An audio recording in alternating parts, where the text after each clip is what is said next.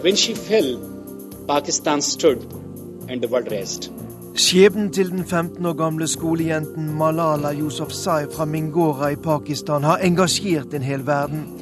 I går kunne hennes far fortelle at hun etter forholdet har det bra etter at Taliban forsøkte å ta livet av henne.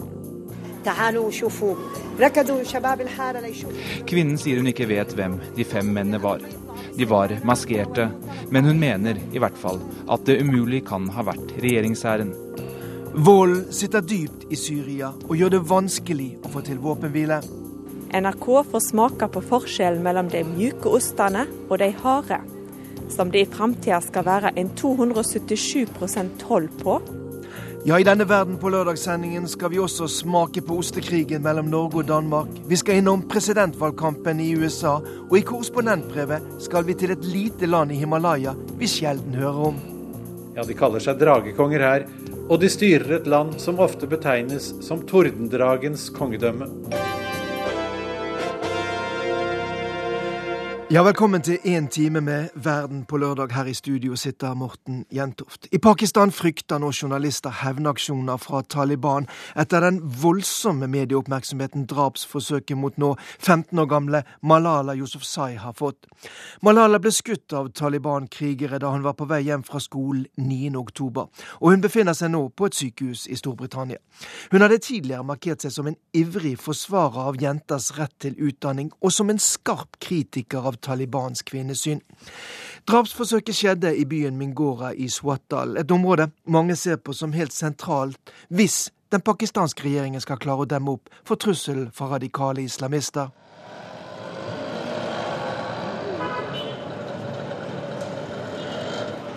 Den grønne plassen i Mingora i Swatdal.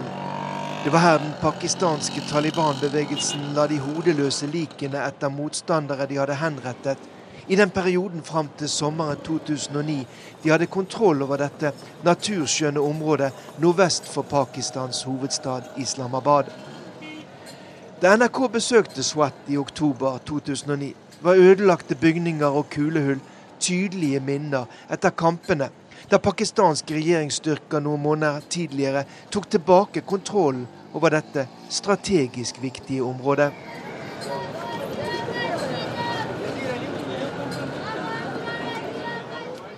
Noen steinkast unna den grønne plassen lå ruinen av det som en gang hadde vært en skole for jenter.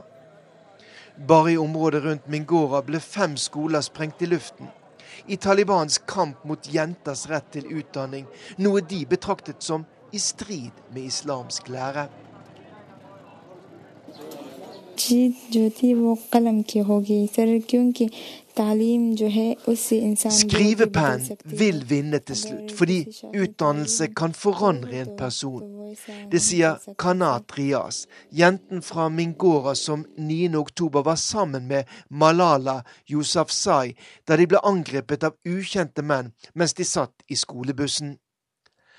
Malala Yousafzai ble truffet av en kule i hodet. Etter å ha blitt behandlet på et pakistansk sykehus, er hun nå fraktet til Storbritannia, der hun etter forholdet skal ha det bra på et sykehus i Birmingham. The, the personality, uh, behavior of this little girl, uh,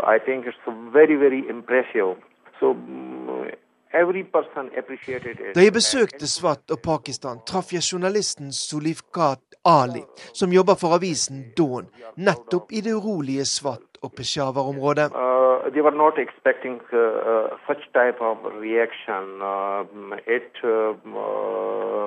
it uh, the reaction in Pakistan and outside Pakistan is uh, a big surprise, not only for the militants, even for Sulfkar Ali forteller at Taliban-bevegelsen trolig er svært overrasket over den voldsomme oppmerksomheten angrepet på Malala har fått, ikke bare i Pakistan, men over hele verden.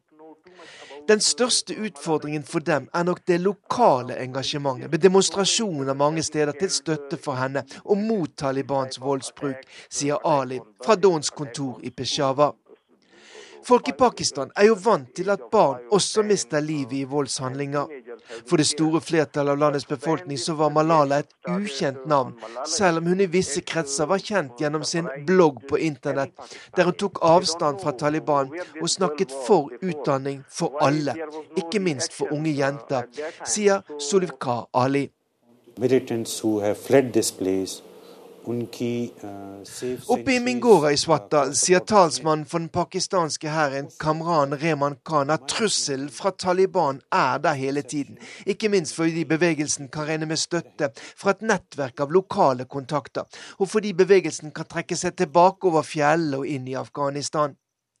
Den pakistanske hæren har allerede redusert tilstedeværelsen i Swattal, noe mange frykter kan åpne for Taliban igjen.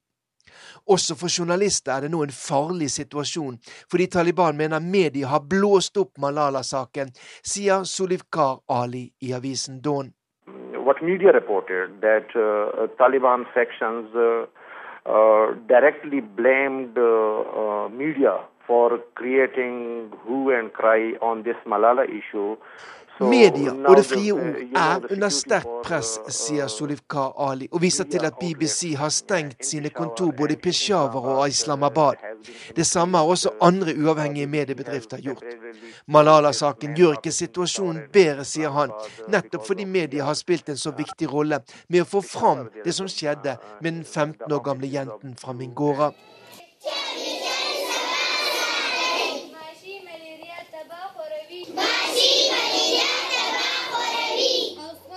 Men kanskje har det skjedd noe positivt. Og i Mingora har ikke Taliban lykkes i å stenge skolene. Undervisningen fortsetter, og klasserommene fylles opp av lærevillige jenter og gutter. Likevel tror ikke Solifkar Ali at den type målrettede drapsforsøk vil slutte etter alle protestene mot det som skjedde med Malala Yousafzai. Det er langt fram til stabilitet og ro for de 170 millioner innbyggerne i atommakten Pakistan.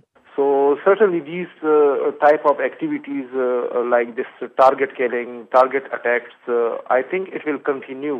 Uh, there is no 100% guarantee uh, uh, to say that no, everything is okay. No, it will take time. Det mente altså journalisten Solifkar Ali i Peshawar. Og velkommen i studio, Laila Bokhari. Du har røtter i, i Pakistan, og din familie har også jobbet mye med å bygge opp skoler også for jenter i, i, Pakistan. 15 år gamle Malala Yousufzai har altså uh, satt i gang en, en, en, slags bevegelse over hele verden, også i Pakistan. Tror du den, det som nå skjer på sikt, kan uh, ha noe å si for jenters muligheter for utdanning? Jeg håper det. Eh, det vi ser nå er en eh, voldsom eh, folkebevegelse. Vi ser, Nå har jeg fulgt med spesielt de siste ukene, hvor vi ser jenter i gatene. Vi ser jenter i bønn på ulike jenteskoler med håp og bønn for Malala over hele, over hele Pakistan. Vi ser politikere, toppolitikere, militære ledere og andre løfte seg og gå i kamp for Malala og mot terroristene. Internasjonal støtte ser vi også. Spørsmålet er jo om dette holder. Altså hvor lenge holder dette? Vi har sett demonstrasjoner og folkemarsjer før, fredsmarsjer osv. om ulike saker, og så blir ting borte etter hvert. Det er mange ting Pakistan er opptatt av. Håpet er jo at um, dette dette forankrer seg så eh, dypt eller så sterkt i det partisanske samfunnet. Man forstår at dette er faktisk eh, en, en fundamental sak for hele Pakistan. Eh, utdannelse og retten til utdannelse. At man ønsker og våger å ta det, ta dette videre. Er det mange jenter i Pakistan som er redd for å gå på skole? Ja, det er det. Uh, og det er eh, Vi ser altså inntil nå i år så er 18 skoler uh, i hvert fall brent ned. Først og fremst i områdene som vi snakker om om, Sawat-områdene og områdene opp mot Afghanistan. Men det er ikke bare Taliban som er en trussel. Eh, Taliban er en av de kreftene som kanskje er imot, eller, eh, eller har stilt seg imot eh, eh, jenters utdannelse og retten til utdannelse. Konservative krefter rundt om i landet eh, vanskelige kår, eh, fattigdom osv. gjør det at folk prioriterer ofte gutter og ikke jenter til å gå på skole. Ja, så Atommakten Pakistan bruker bare 2,5% av budsjettet på utdanning. Bare ni land i verden bruker faktisk mindre penger per innbygger på utdanning. 5,1 millioner pakistanske barn er uten skole. Og jeg har jo selv eh, med egne øyne sett da hvor elendig forfatning mange skoler i Pakistan er. Ser du noe lys i tunnelen? Jeg har jo reist mye rundt i Pakistan selv og sett uh, såkalte skoler altså som skulle ha vært der, eh, som ikke er der. På kartet i utdanningsplaner så ser, ser det ut som å et, uh, at det skal være skoler ulike steder, og så er det såkalte spøkelsessteder, altså, skoler, hvor det ikke er, er læring eller kvalitetsutdanning på plass. Um, lys i tunnelen må jo bli det at man ser at for at Pakistan skal komme videre, så er du nødt til å satse på utdanning og satse på, på unge menneskers rett til utdannelse. Her tror jeg at man trenger ulike aktører inn i bildet. Du trenger næringsliv, du trenger politikere, du trenger eh, militære, og du trenger den brede befolkningen og internasjonal støtte for å kunne forstå at dette er viktig. Først og fremst selvfølgelig fra pakistanerne selv på bakken, som forstår at dette handler om ens fremtid. Du er jo selv på vei eh, ned til Pakistan i, i, kveld, og din familie har jo engasjert seg i nettopp skolebygging i Pakistan. Eh, hva forventer du å se der nede nå? Vil du se en forandring i Pakistan, tror du, etter Malala-saken? Jeg tror det er mye Jeg tror det kom som et sjokk. Det var en, gikk en sjokkbølge gjennom det pakistanske samfunnet. En at en 14-15-åring kunne stå så sterkt opp og bli et sånt symbol på, på, på den uretten som mange føler.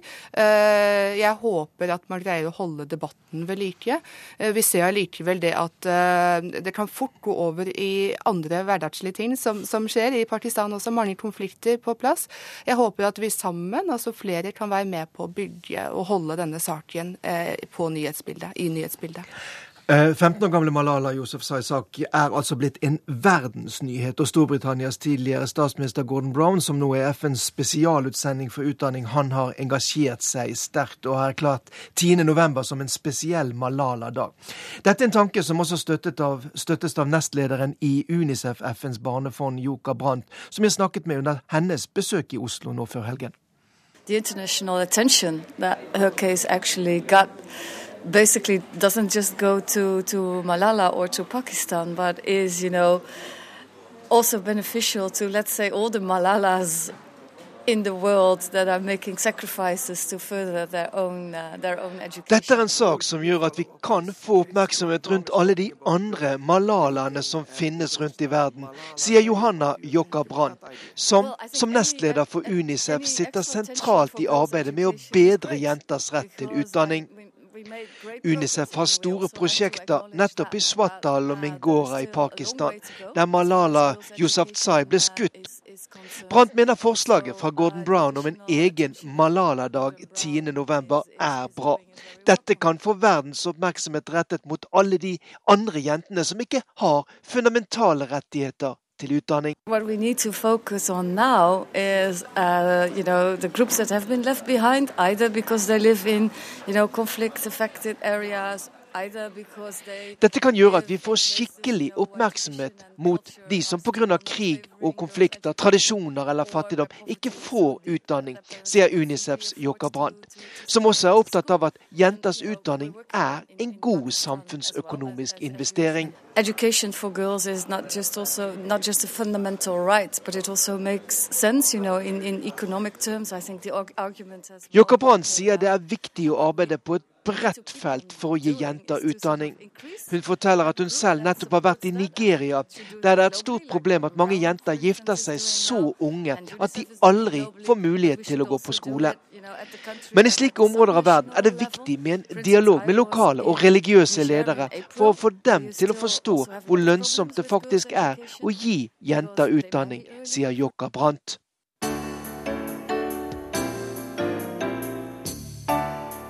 I USA går nå presidentvalgkampen inn i sin avsluttende fase. En meningsmåling som nyhetsbyrået Reuters offentliggjør i dag, viser at 54% av de som har forhåndsstemt, har stemt på sittende president Barack Obama. 39% på hans motkandidat Mitt Romney. Men ingenting er avgjort, og mye kan bli avgjort av bakkestyrkene, fotfolket til kandidatene, som nå mobiliserer sine velgere. Først og fremst i vippestatene, der det er jevnt mellom de to kandidatene, og som vil avgjøre valget 6.11. En måling i vippestaten Ohio gir demokraten Obama 50% mot 46% for republikaneren Romney. Kollega Tove Bjørgaas har møtt Obama-tilhengere i Pennsylvania og laget denne reportasjen for Verden på lørdag. Yes, Hi. Hi. Hi, journalist, actually. Oh. I'm from Europe, from Norway. En ung fyr med lyst hår og briller tar imot meg. Okay. Um, det er ikke folksomt i Obama-kampanjens kontor i den lille byen York i Pennsylvania. Da jeg var her for fire år siden, flommet det over av frivillige. Men denne ettermiddagen er her bare et par stykker. Jeg blir geleidet til bakrommet, der en av dem sitter alene med en telefonliste. Now we got some people that's volunteered um, to be supportive of Obama. Okay. And what we're doing is just um, making sure that they do still support the president. Dette er en liste over de som støttet Obama for fire år siden. Jeg ringer for å høre om de skal stemme på ham igjen, forteller Dwayne Granton. Go TV up, go get out and vote for Obama. Det skal den høye afroamerikaneren med tubelue gjøre selv. I, I look at it like this, it has something to do with my future. You know what I mean? And I look at it in a long term. I feel as though if he may get a, another term in office, then it could benefit me as my future. Det handler om framtida mi. Hvis Obama får en periode til, kan jeg få flere muligheter videre i livet, mener Granton. Han er uføretrygdet, men synes det å være frivillig for kampanjen til Obama er en fornuftig måte å bruke de kreftene han har på. Det nesten tomme Obama-kontoret i York imponerer slett ikke så kort tid før valget. Men så mye står på spill for demokratene i andre delstater at Pennsylvania, som vanligvis er en vippestat, ikke er i fokus denne gangen. Obama regner med å vinne her. Og derfor er ikke bakkestyrkene slik de er i nabodelstaten i vest. For der, i Ohio, utkjempes nå den største bakkekrigen foran valget 6.11. I mean, do you want real big change in this country? Mitt Romney snakket til industriarbeidere i Cincinnati i går og lovet dem forandring. So yes, like Obamacare. So Også Barack Obama er nesten daglig i den fattige rustbeltestaten. I midten av uka hadde kampanjen hans 130 kampanjekontorer i Ohio alene, mens Romney bare hadde 40. Også i Virginia, den andre av de tre delstatene som ser ut til å bli viktigst ved valget, skal demokratene ha langt flere kontorer enn republikanerne. Kampen mellom Romney og Obama handler nå om å få folk til å møte opp tirsdag om halvannen uke.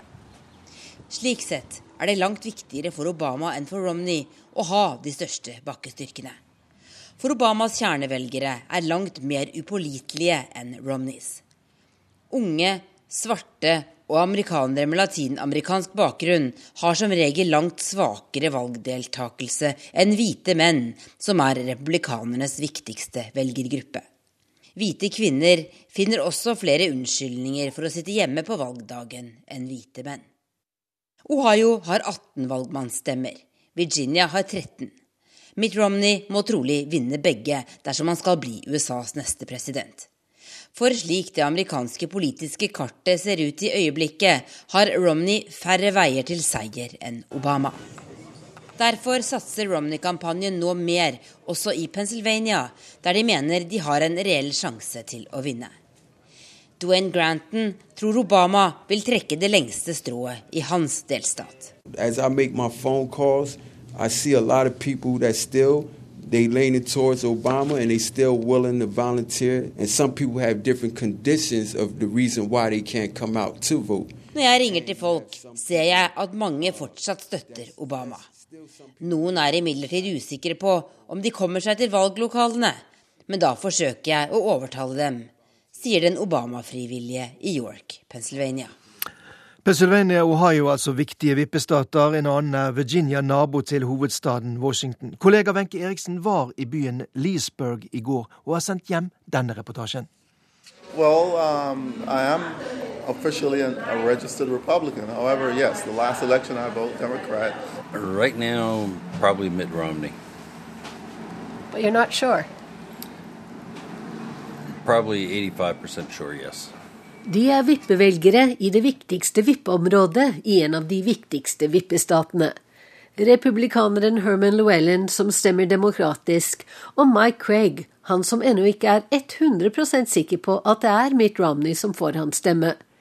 Kommentatorer mener at alt kan komme til å stå og falle på hvordan det nordlige Virginia, der disse to bor, stemmer på valgdagen om en og en halv uke. Kanskje blir det herfra, og ikke i Ohio, de kan komme, de avgjørende stemmene som sikrer Obama fire nye år i Det hvite hus, eller en seier for utfordreren Romney. It's a, uh, it's a good example of what America is um, as far as uh, the various uh, cultures and the myths. Herman Llewellyn, som driver en liten kafé i den pittoreske småbyen Leesburg, har tatt det på kornet den tidligere konservative delstaten Virginia er blitt en vippestat fordi det er et USA i miniatyr. Med et mangfold av etniske grupper og kulturer, særlig i nord, stor aldersmessig og sosialøkonomisk spredning og politiske meninger over hele spekteret. En befolkning delt på midten som landet i sin helhet. Jeg syns det er viktigere å se på hva den enkelte kandidaten står for, enn hvilket parti han tilhører, sier Herman. Som stemte på Barack Obama sist, og som kommer til å gjøre det igjen. I thought he stabilized the ship because I really thought we were in economic uh, trouble. We had housing market, financial market, all in decline, and I think it took this long to stabilize. I think that he has a plan for the future, as he says, and I would like to see what that does. But last time, I actually voted for Obama last time. I thought we were going to bring change, but the change he brought, I didn't like. Mike Craig overrasker der han sitter bak kassa i modelltogbutikken han eier. Han som er 85% sikker på at han kommer til å stemme på Mitt Romney, stemte for Obama sist, men ble skuffet. Han håpet på forandringen Obama lovte, men likte ikke den han fikk. Sure yet, is it a question of either voting for Romney or not voting at all? Is that where you are now? No, I'm most likely going to vote for Romney. Mm -hmm. um, just waiting to see what happens. I really do not care at all for what President Obama did, you know, when our ambassadors were killed. I don't like what he's done the last couple times that people have struck out against this country and we just sat back and smiled. I think we need somebody that has some strength and some backbone.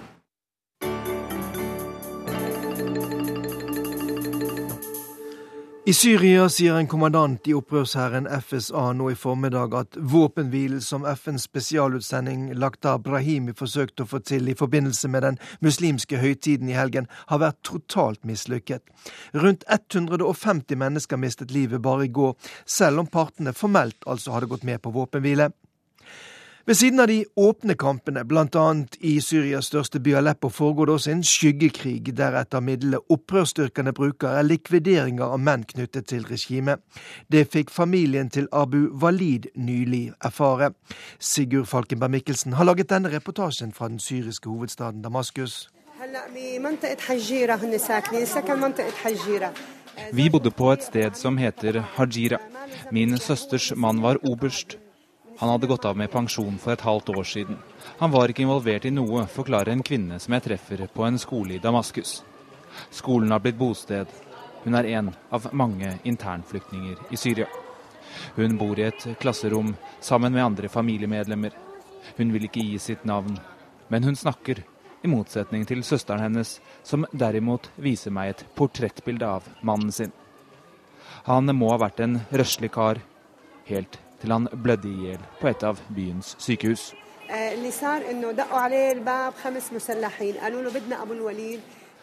Fem væpnede menn kom inn i huset. De sa de skulle ha tak i Abu Walid. De tok han med ut på gata, og de kom en fem-seks meter ut før han satte seg til motverge. Nevøen hans så hva som skjedde, og løp for å hente folk i området. Og da de nærmet seg, skjøt kidnapperne Abu Walid i ryggen. De skjøt, og så rømte de, forteller hun. Kvinnen sier hun ikke vet hvem de fem mennene var. De var maskerte, men hun mener i hvert fall at det umulig kan ha vært regjeringshæren. For de opererer ikke tildekket. Og hvorfor skulle de ta en av sine egne? Hun får kanskje aldri et entydig svar på hvem som drepte svogeren. Men det virker sannsynlig at dette er en av de mange likvideringene opprørsbevegelsen gjennomfører. Ved siden av de åpne kampene som har pågått så lenge og kostet så mange liv, foregår også en langt mindre synlig krig. En krig der regimet bruker alle midler, og opprørsbevegelsen forsøker å svekke regimet ved å drepe offiserer i hæren eller menn som jobber i sikkerhetstjenestene, i tillegg til informanter. De viser at ingen er trygge, de skaper usikkerhet i rekkene. I våres traff jeg en etterretningsoffiser som hørte til på opprørssiden. Han fortalte meg at de visste hvem alle var, at de hadde navnelister. Han hadde hoppet av og ført til krig mot sine gamle arbeidsgivere. Og han visste hva han risikerte dersom han ble tatt. Tortur, overfylte fengsler og høyst sannsynlig døden. Tydeligst kom denne strategien til uttrykk da president Bashar al-Assads svoger ble drept i Damaskus i sommer. Omstendighetene er uklare, og det hviskes om at det var et internt oppgjør som førte til at Assaw Shaukat ble drept. Men det skriver seg også inn i dette mønsteret av målrettede angrep. Og at Syria er et splittet land, det fikk familien til Abu Walid erfare da de forsøkte å ta ham til sykehus etter at han ble skutt av sine kidnappere.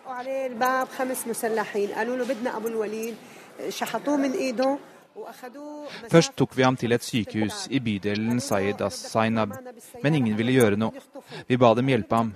Vi sa at han var et menneske, men de sa de ikke hadde medisin. Og så tok vi ham til et annet sykehus, og der lovet de at de skulle behandle ham, men det tok for lang tid, og han blødde i hjel på gangen. Problemet er at noen sykehus jobber bare for den ene eller den andre siden, sier hun, og forteller at hun selv har mistet jobben fordi hun som drev forretningen, tilhører opprørssiden. Må Gud tilgi henne, legger hun til. Regimet i Syria har forsøkt å undertrykke opprøret med alle midler i over halvannet år nå. Det begynte med å slå ned på demonstrasjonene med vold og arrestasjoner, helt til dagens situasjon, hvor bombeflyene tiltenkt forsvaret av landet brukes på eget territorium. Kampene har vært hardest i nord, men merkes også i områdene rundt hovedstaden. Flyktningene på skolen kommer stort sett fra forstedene.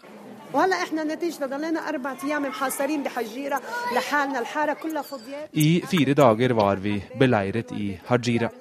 Til slutt var hele området så å si tømt. En granat traff leiegården hvor jeg bodde. Vi var redde for døtrene våre og de unge sønnene våre, så vi dro hit, forteller hun. Hun dro uten mye bagasje og kan ikke dra hjem og hente noe, for trappen opp til leiligheten er bombet, og hun bor i fjerde etasje. Men likevel, hun klager ikke. De har funnet et sted å dra til. Andre har det verre. Familier som hører til på opprørssiden, blir ikke hjulpet av regimet og har ingen skoler å flykte til når hjemmene deres bombes. Klokken er blitt 11.31. Du lytter til Verden på lørdag. Neste stopp Russland. Denne uken ble det kjent at Russlands viseutenriksminister Aleksandr Grusjko blir ny Nato-ambassadør. Han er delvis oppvokst i Norge som sønn av avdøde Viktor Grusjko, som i tolv år var agent for den sovjetiske etterretningstjenesten KGB, og som ble utnevnt til nestkommanderende for hele KGB 12.2.1991. Her er Hans-Wilhelm Steinfeld fra Moskva. Og er du fra Dagsrevyen? Var det første KGB-generaloberst Viktor Grusjko sa til meg denne dagen for 21 år siden. Da må du hilse til Jan Otto Johansen, la Grusjko til. Mannen som president Mikhail Gorbatsjov i praksis gjorde til operativsjef for KGB. I tolv år var Viktor Grusjko spion i Norge. Han ble familievenn med statsminister Einar Gerhardsen. Og sønnen Alexander var liten gutt i Oslo. Han satt på fanget til Gerhardsen. Faren Viktor deltok som nestkommanderende for KGB ikke i det statskuppet som kom mot Mikhail Gorbatsjov i august 1991, og gikk siden av under president Boris Jeltsin med æren i behold. Sønnen Aleksander, som tiltrer i november som Russlands Nato-ambassadør, sier dette om sine og russernes følelser for Norge. У россиян очень теплые чувства к норвежцам. И мы полностью понимаем, что в наших интересах реализовать потенциал и дружбы. Vi russere har svært varme følelser for dere nordmenn, og vi skjønner godt hvilket potensial vi har for vennskap og samarbeid, som er en fellesinteresse for både Norge og Russland, sier Nato-ambassadør Aleksandr Grusjko. Men han er betydelig skarpere i tonen når han snakker om sine tidligere allierte fra Warszawapakten, de nye Nato-landene i Øst-Europa Но когда они стали вступать в НАТО, оказалось, что вступление к НАТО и расширение НАТО приводит к появлению такой психологии. Dessverre finnes det en hel rekke land som fokuserer mest på historien og prøver å gå fremover med hodet bakovervendt. Vi for vår del kan heller ikke forbigå i stillhet fenomener som vi mener ikke hører nåtiden til, som forsøkene på å glorifisere nazistene, Waffen-SS-marsjen i Riga 16.3. Alt dette er ting som ikke rimer med samtidens forståelse. Russland går hardt ut mot slikt, for skal dette fortsette, blir det svært vanskelig å bygge et partnerskap med Nato-landene, sier Aleksandr Grusjko, men legger mer forsonende til. Europa uten Russland er ikke Europa. Norvegia er en av de nærmeste. Et Europa uten Russland er jo ikke noe Europa. Norge er faktisk en av Russlands nærmeste partnere nå. Og vi er svært fornøyd med at vi har løst våre mellomværender med Norge, som i nordområdene. Mye binder oss sammen, ikke minst historien, også etter krigen. Norge ble jo en stat som fremmet avspenning under den kalde krigen i nord. Og Norge gjennomførte det første offisielle besøket i Moskva under de kaldeste årene, sier Russlands nye Nato-ambassadør Aleksandr Grusjko. Det er naturligvis filleonkelen Enna Gerhardsens statsministerbesøk her i Moskva i 1955 som Aleksandr Grusjko sikter til. Russland har latt en betydelig mer liberal og profesjonell diplomat representere seg i Nato enn hva man kan si om hans forgjenger Dmitrij Ragozin, som kom fra Dumaen, en kraftnasjonalist av klasse.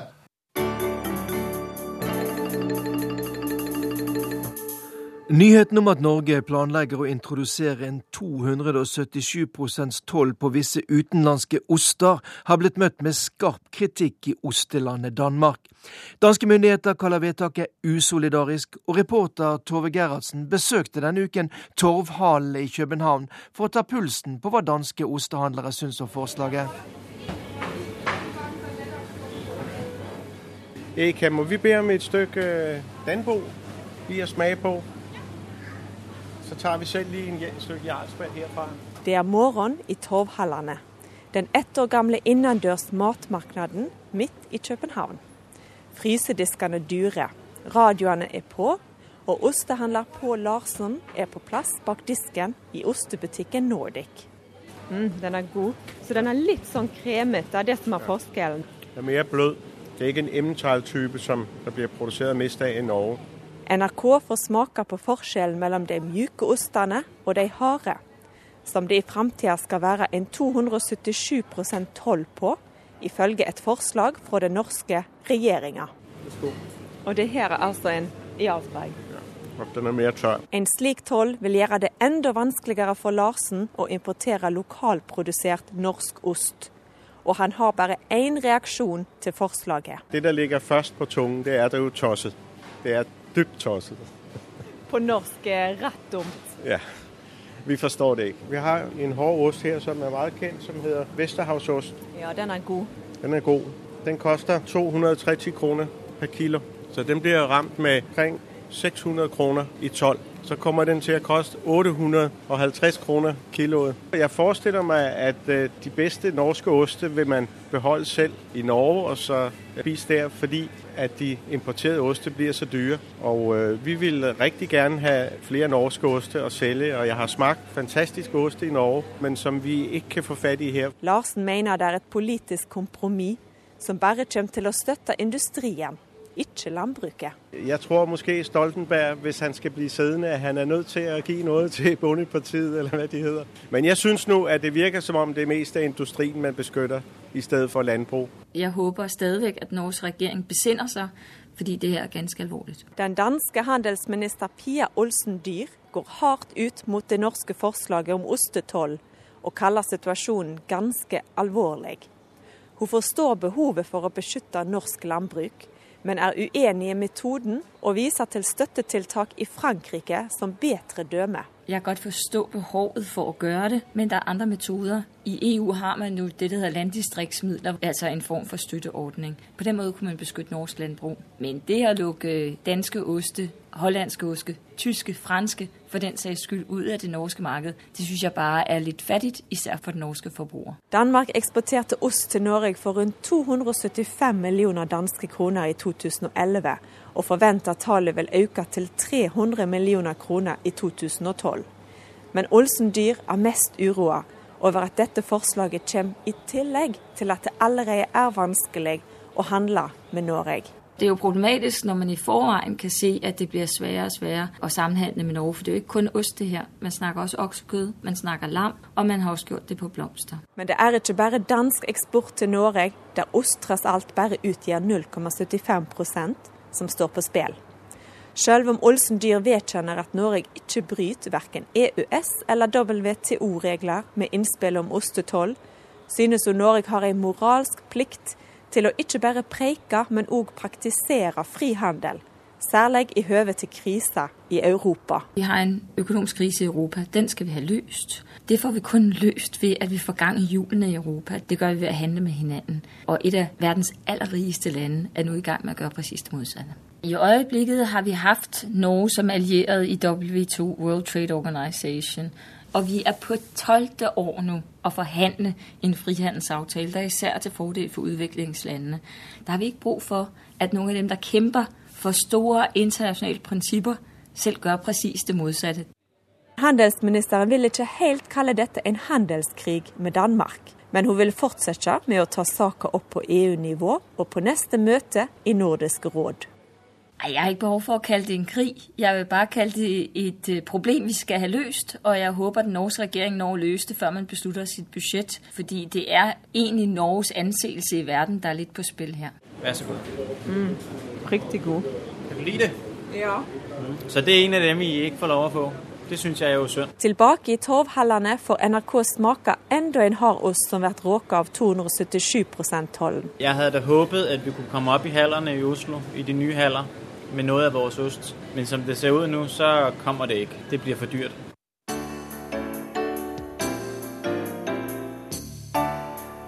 Fire år etter at det ble lov for norske homofile å inngå ekteskap, går debatten om en lovendring som kan gjøre dette mulig, høyt i Storbritannia. Statsministeren blir beskyldt av partifaller for å trumfe gjennom en endring i ekteskapslovgivningen, nok en sak som splitter det konservative partiet. Gry Blekastad Almås har laget denne reportasjen for Verden på lørdag.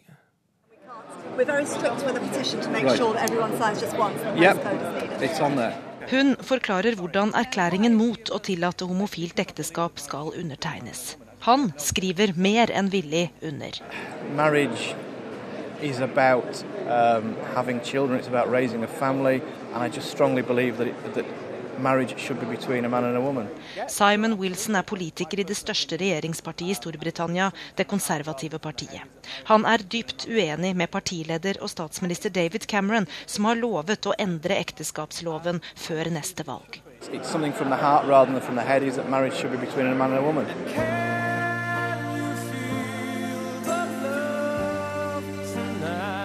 Også Elton John argumenterer med hjertet. Artisten er kjent for sine mange kjærlighetssanger, men også kjent som homoaktivist. Han og kjæresten var de første som inngikk partnerskap da det ble mulig i Storbritannia i 2005. Nå vil han inngå ekteskap så snart det blir lovlig for homofile å gifte seg.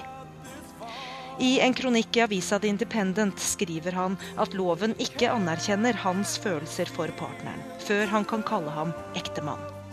Men han skriver også at dette ikke handler om dem, dette er en kamp for likestilling. Den kampen støtter den konservative politikeren Colm Harrell Lloyd. Han er også talsmann for LGB Tory, partiets gruppe for lesbiske, homofile og biseksuelle. Because it's just very simply a matter of equality. Marriage is the gold standard for conservatives. It's the, it's the commitment that we make to each other. It's the ties that bind us. Ekteskap er det konservative idealet, sier han. Derfor bør også det britiske lovverket ta skrittet fullt ut og tillate homofile å gifte seg. Slik Norge gjorde for fire år siden, slik flere andre nasjoner har gjort. Men i Storbritannia er det kun tillatt å inngå partnerskap. Nå er det på tide å likestille homofile med heterofile, mener Harold Lloyd. Du har de samme rights, og det er for us it's a, it's a matter. It's saying your relationship is as valid as everyone else's, and there is one marriage, there is one commitment that people make, rather than a special kind of gay marriage, which says you're nearly the same.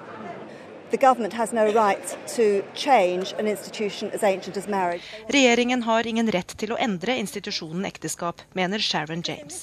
Hun snakker på vegne av organisasjonen Coalition for Marriage, som ble etablert i protest mot at statsministeren personlig har pushet på for å tillate homofilt ekteskap, selv om det ikke var en del av politikken han gikk til valg på og trolig blir det flertall for lovendringen. Både Labour og liberaldemokratene støtter forslaget. Det samme gjør to tredjedeler av befolkningen. Men ikke Sharon James og Coalition for Marriage. Gay and lesbian couples already have all of the legal and practical rights that they could require through what we call civil partnerships. So we believe the government's behaving in a deeply undemocratic way, and the British people don't like that. I have. Perfect. Okay. Some people have. Simon Wilson har undertegnet oppropet mot lovendringen, vel vitende om at han er i mindretall. Når regjeringen i november er ferdig med å samle inn alle høringsuttalelser, er det lite trolig at motstanden veier tungt nok. Men Wilson mener likevel det er viktig at partiet har rom for ulike meninger, både om denne og andre saker. You know, we argue about Europe, we argue about so many things. Um, but what brings us to the Conservative Party is also part of that diversity, that, that freedom of thought and, and, and opinion. And, you know, this is just one of those things as well. Elton John priser kjærligheten, og kan trolig være blant de aller første britiske menn som i 2015 med rette kan kalle partneren sin for ektemann.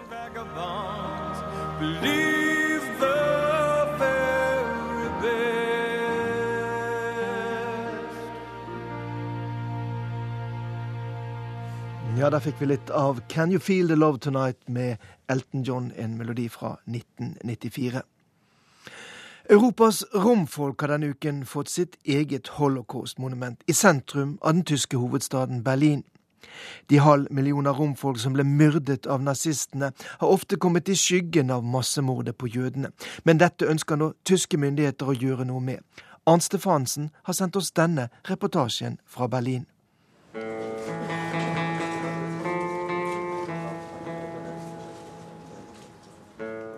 Den berømte ungarske sigøynermusikeren Ferenc Snettberger slo an tonen for den gripende seremonien i Berlin sist onsdag.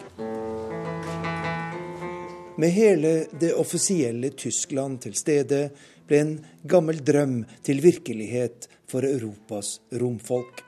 De nærmere 500 000 ofrene for nazistenes folkemord fikk omsider sitt monument midt i Berlin, mellom Riksdagsbygningen og Brandenburger Tor.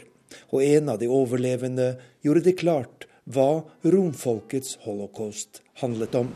Schritt for skritt würden wir alle unsere Rechte beraubt. Wir würden. Skritt for skritt ble romfolket fratatt alle sine rettigheter.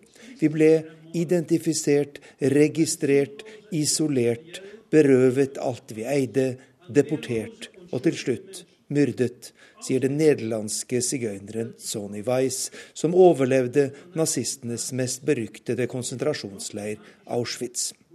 Dette var det industrielle massedrap i sin reneste form, og derfor kan ingen benekte at det var et folkemord, slik også jødene ble utsatt for, sier den overlevende fra holocaust.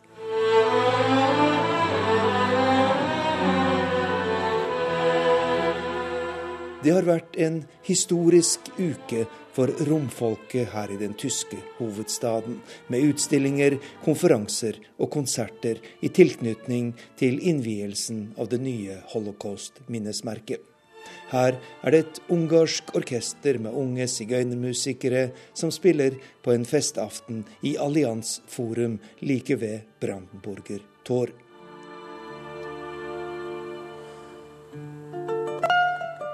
Til stede under konserten er lederen for romfolket i Tyskland, Romani Rose, som har ledet kampen for anerkjennelse av romfolkets tap og lidelser under nazismen. Til NRK sier han at det som har skjedd denne uken her i Berlin, er en milepæl i etterkrigshistorien for alle tyskere og europeere. Vi har die Übergabe dieses Denkmals an die det at romfolkets holocaust-monument nå er et offentlig tysk minnesmerke, betyr at den tyske stat og regjering endelig har akseptert vår krigshistorie som det den var, et eget planmessig folkemord rettet mot oss som folk. Frem til nå har mange sett på romfolkets holocaust som et slags etterheng til folkemordet på jødene, og det har for oss vært smertefullt og nedverdigende sier Romani Rose. Og også den tyske forbundskansleren Angela Merkel vedgår at det har tatt for lang tid å få på plass et minnesmerke for romfolket i Berlin. Die öffentlich viel zu lange und viel zu wenig wahrgenommen wurde. Det nye minnesmerket er viet en folkegruppe som vi altfor lenge har gitt altfor lite oppmerksomhet, sier forbundskansler Angela Merkel. For hele 20 år siden vedtok den tyske forbundsdagen å reise et monument for romfolkets holocaust, og først i dag står det altså ferdig. Det som nå er viktig, er hva vi bruker dette minnesmerket til. Og for meg er nåtid og fremtid vel så viktig som fortiden. Også i dag hører trakassering og rasisme til dagens orden for Europas romfolk, og vi må kjempe hver dag mot denne uretten, sier kansleren.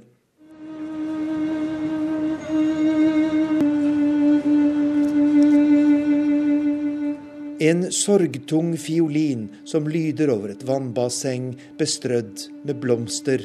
Det er kjernen i romfolkets holocaustmonument her i Berlin. Det er den jødiske kunstneren Dani Karavan som har laget minnesmerket, og jeg spør ham hvilken betydning det kan få. I think this will make a big difference because the moment that you jeg tror dette vil gjøre en stor forskjell. I det øyeblikket vi ikke lenger overser romfolkets lidelser, blir de mer synlige i samfunnet og kan oppnå mer støtte og beskyttelse. Jeg tror og håper dette vil hjelpe dem i fremtiden, sier den jødiske kunstneren.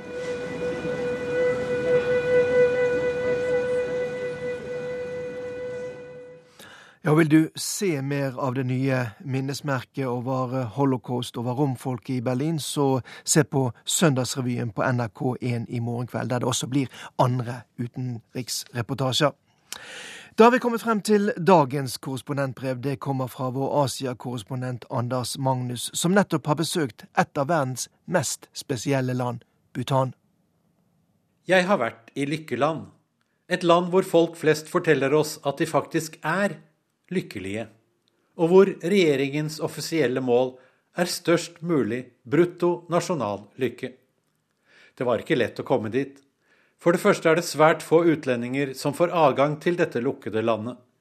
For det andre er det bare ett flyselskap som trafikkerer den nokså nervepirrende ruten inn mellom fjellene til landets eneste internasjonale flyplass. Kun ni spesialtrente piloter i statseide Druk Air har fått lov til å føre fly i denne delen av Himalaya. Fra flyvinduene ser vi spisse, snøkledde fjelltopper. Den mest majestetiske er 7570 meter over havet, og fortsatt ikke besteget. Å gjøre noe slikt vil være helligbrødet i dette sterkt buddhistiske landet. Piloten føler behov for å berolige oss før vi lander. Hvis dere synes vi kommer litt nær fjellsiden under innflygingen, så er det helt vanlig og ikke noe å engste seg over, sier han over høyttalerne. Jeg tror ikke egentlig noen av de nye passasjerene ble tryggere av den grunn, men det var fascinerende å være med på hvordan han manøvrerte flyet ned gjennom trange dalfører og plutselig måtte vende 90 grader, først til venstre, så til høyre. Vi fikk en følelse av å skulle entre Shangri-La, det myteomspunne samfunnet midt inne i Himalaya-fjellene, beskrevet i James Hiltons bok 'Tapte horisonter', som også seinere ble filmatisert, hvor alle er glade og ingen eldes. I boken kommer utlendingene dit ved at flygeren krasjer i en snøfonn langs de stupbratte fjellsidene. Vi slapp det, og landet trygt på rullebanen i byen Paro. Lykkelige hadde vi ankommet Bhutan. Det vil si, NRKs fotograf var ganske nervøs. Han hadde på forhånd lest informasjonen fra myndighetene om at man kunne vente seg lange fengselsstraffer og store bøter dersom han hadde på seg, brukte eller innførte ulovlige stoffer, som tobakk. I Bhutan er det forbudt å røyke, snuse eller tygge skråtobakk på alle offentlige steder, inkludert hoteller, restauranter og barer. Og særlig straffbart er det å kjøpe eller selge tobakksprodukter. Med en kartong sigaretter til eget bruk i bagasjen var han i tvil om hvordan situasjonen skulle håndteres. Tidligere hardhendt gjennomføring av antitobakkslovene viste at det var grunn til å være engstelig. Bhutan har lenge vært kjent for strenge røykelover, men den som ble innført i 2010, var så tøff at selv Dagfinn Høybråten ville ha rygget tilbake. All røyking eller tygging av tobakk ble ulovlig. De som ble tatt med stoffet på seg, kunne vente en minstestraff på tre år i fengsel. Dermed bar det rett i spjeldet for 40 forbrytere mot denne loven i løpet av fjoråret. Buddhistmunken Sonam Chering var den første som ble tatt. Politiet gjennomsøkte bussen han kjørte i, og munken hadde dessverre med seg 100 gram skråtobakk som han skulle gi til noen venner. Ulovlig tobakk verdt 120 nulltrum, nulltrum er myntenheten i Bhutan, en verdi som tilsvarer knapt 15 kroner. Mange syntes dette ble for hard kost, også en munk i fengsel, da. Ikke røykte han selv engang. Da viste Bhutan seg fra sin mest moderne side, og en Facebook-gruppe ble opprettet i protest mot de harde tobakksdommene. Ganske raskt fikk den nesten 3000 medlemmer, og det er mye i et land som kun har 800 000 innbyggere, og hvor de aller fleste er bønder uten tilgang til verken internett eller Facebook. Resultatet av protestene ble at loven ble endret, munken sluppet ut av fengselet, og folk fikk lov til å ta med seg inntil 300 sigaretter eller 250 gram skråtobakk hvis de hadde vært på reise i utlandet. Importvarene kunne man så konsumere i eget hjem, men nåde den som ble tatt røykende uten å kunne framvise kvittering på at tollen var betalt i dyredommer. Derfor var det ikke så overraskende at det første min fotograf gjorde etter ankomsten, var å spørre vår vennlige utsending fra Bhutans utenriksdepartement om hvor tollen for sigarettene kunne betales. Derimot var svaret han fikk, ganske forbausende. Ikke bry deg om de tollgreiene. Da blir vi bare forsinket her minst en halvtime. Og det har vi ikke tid til, sa han. For vi var med i delegasjonen til en norsk utviklingsminister som hadde det travelt. Ganske raskt avslørte den blide utenrikstjenestemannen at jo da, han røykte han også. Og det er jo ikke så strengt med denne røykeloven. Bhutan er et land hvor myndighetene har mange gode intensjoner for å skape et lykkelig samfunn for borgerne noe som avspeiler seg i regjeringens vedtak om å bruke brutto nasjonal lykke som hovedmål for landets utvikling.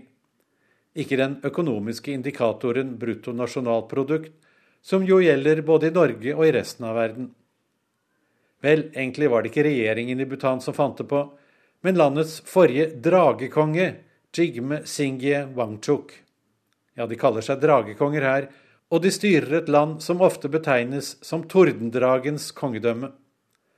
Den fjerde dragekongen var en framsynt mann. Han arvet riket som eneveldig monark, men fant ut at slik kunne det ikke fortsette. Bhutan skulle melde seg inn i verden, men langsomt og forsiktig.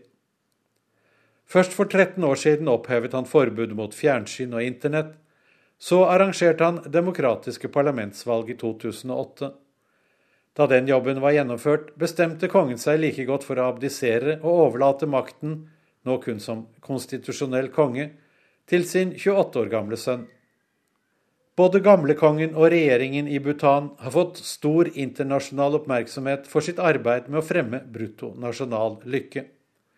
I fjor klarte de til og med å få FNs generalforsamling til enstemmig å vedta en resolusjon som skal fremme lykke også i den globale dagsorden. Så kan jo hvert enkelt medlemsland selv bestemme hva de vil legge i begrepet. Regjeringen i Bhutan mener at en del av lykken må være å spise kun organisk dyrket mat. Så nå har den foreslått at Bhutan skal bli det første landet i verden med 100% organisk dyrking. En flott og idealistisk målsetting. Men blir folket lykkeligere av det? Fortsatt er en femtedel av Bhutans innbyggere fattige, og mange av dem har lite mat på bordet. Går man over til organisk dyrking, blir jordbruksutbyttet mindre, og det skaper jo verken mette mager eller mer lykke. Dessuten importerer Bhutan halvparten av sin ris fra Kina og India, og det kornet er jo ikke organisk. Skal man slutte med slik import? Nei, det er ikke lett å være lykkeland. I fjor innførte regjeringen bilfri dag hver eneste tirsdag hele året i sentrum av byene, og kalte det Fotgjengerdagen. Forurensningen skulle bli mindre og lykken vokse men resultatet har blitt motsatt. Antallet taxier som er tillatt, har økt kraftig, og folk kjører bilene sine mer på tirsdager enn andre dager for å finne en parkeringsplass langs den ytre ringen rundt bykjernen.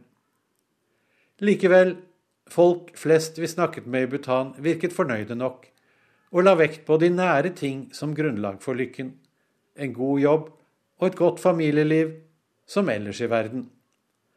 På mange av de vakkert dekorerte husveggene i landet fantes også symboler for mer kroppslig velbehag, med detaljerte malerier av høyreiste mannlige organer som spruter ut i fruktbar ekstase. Innenfor slike vegger kan det vel finnes lykke. Og korrespondentbrevet til Anders Magnus kan du høre igjen i kortversjonen av Verden på lørdag klokken 16.40 på eh, P2. Så tar vi med at det er i helgen av valg i Ukraina. Mer om dette i våre sendinger både på radio og TV mandag morgen. Teknisk ansvarlig for denne Verden på lørdag-sendingen Svein Åkre. Skriptet var Oda Holm Gulbrandsen. Og her i studio sitter Morten Jentoft.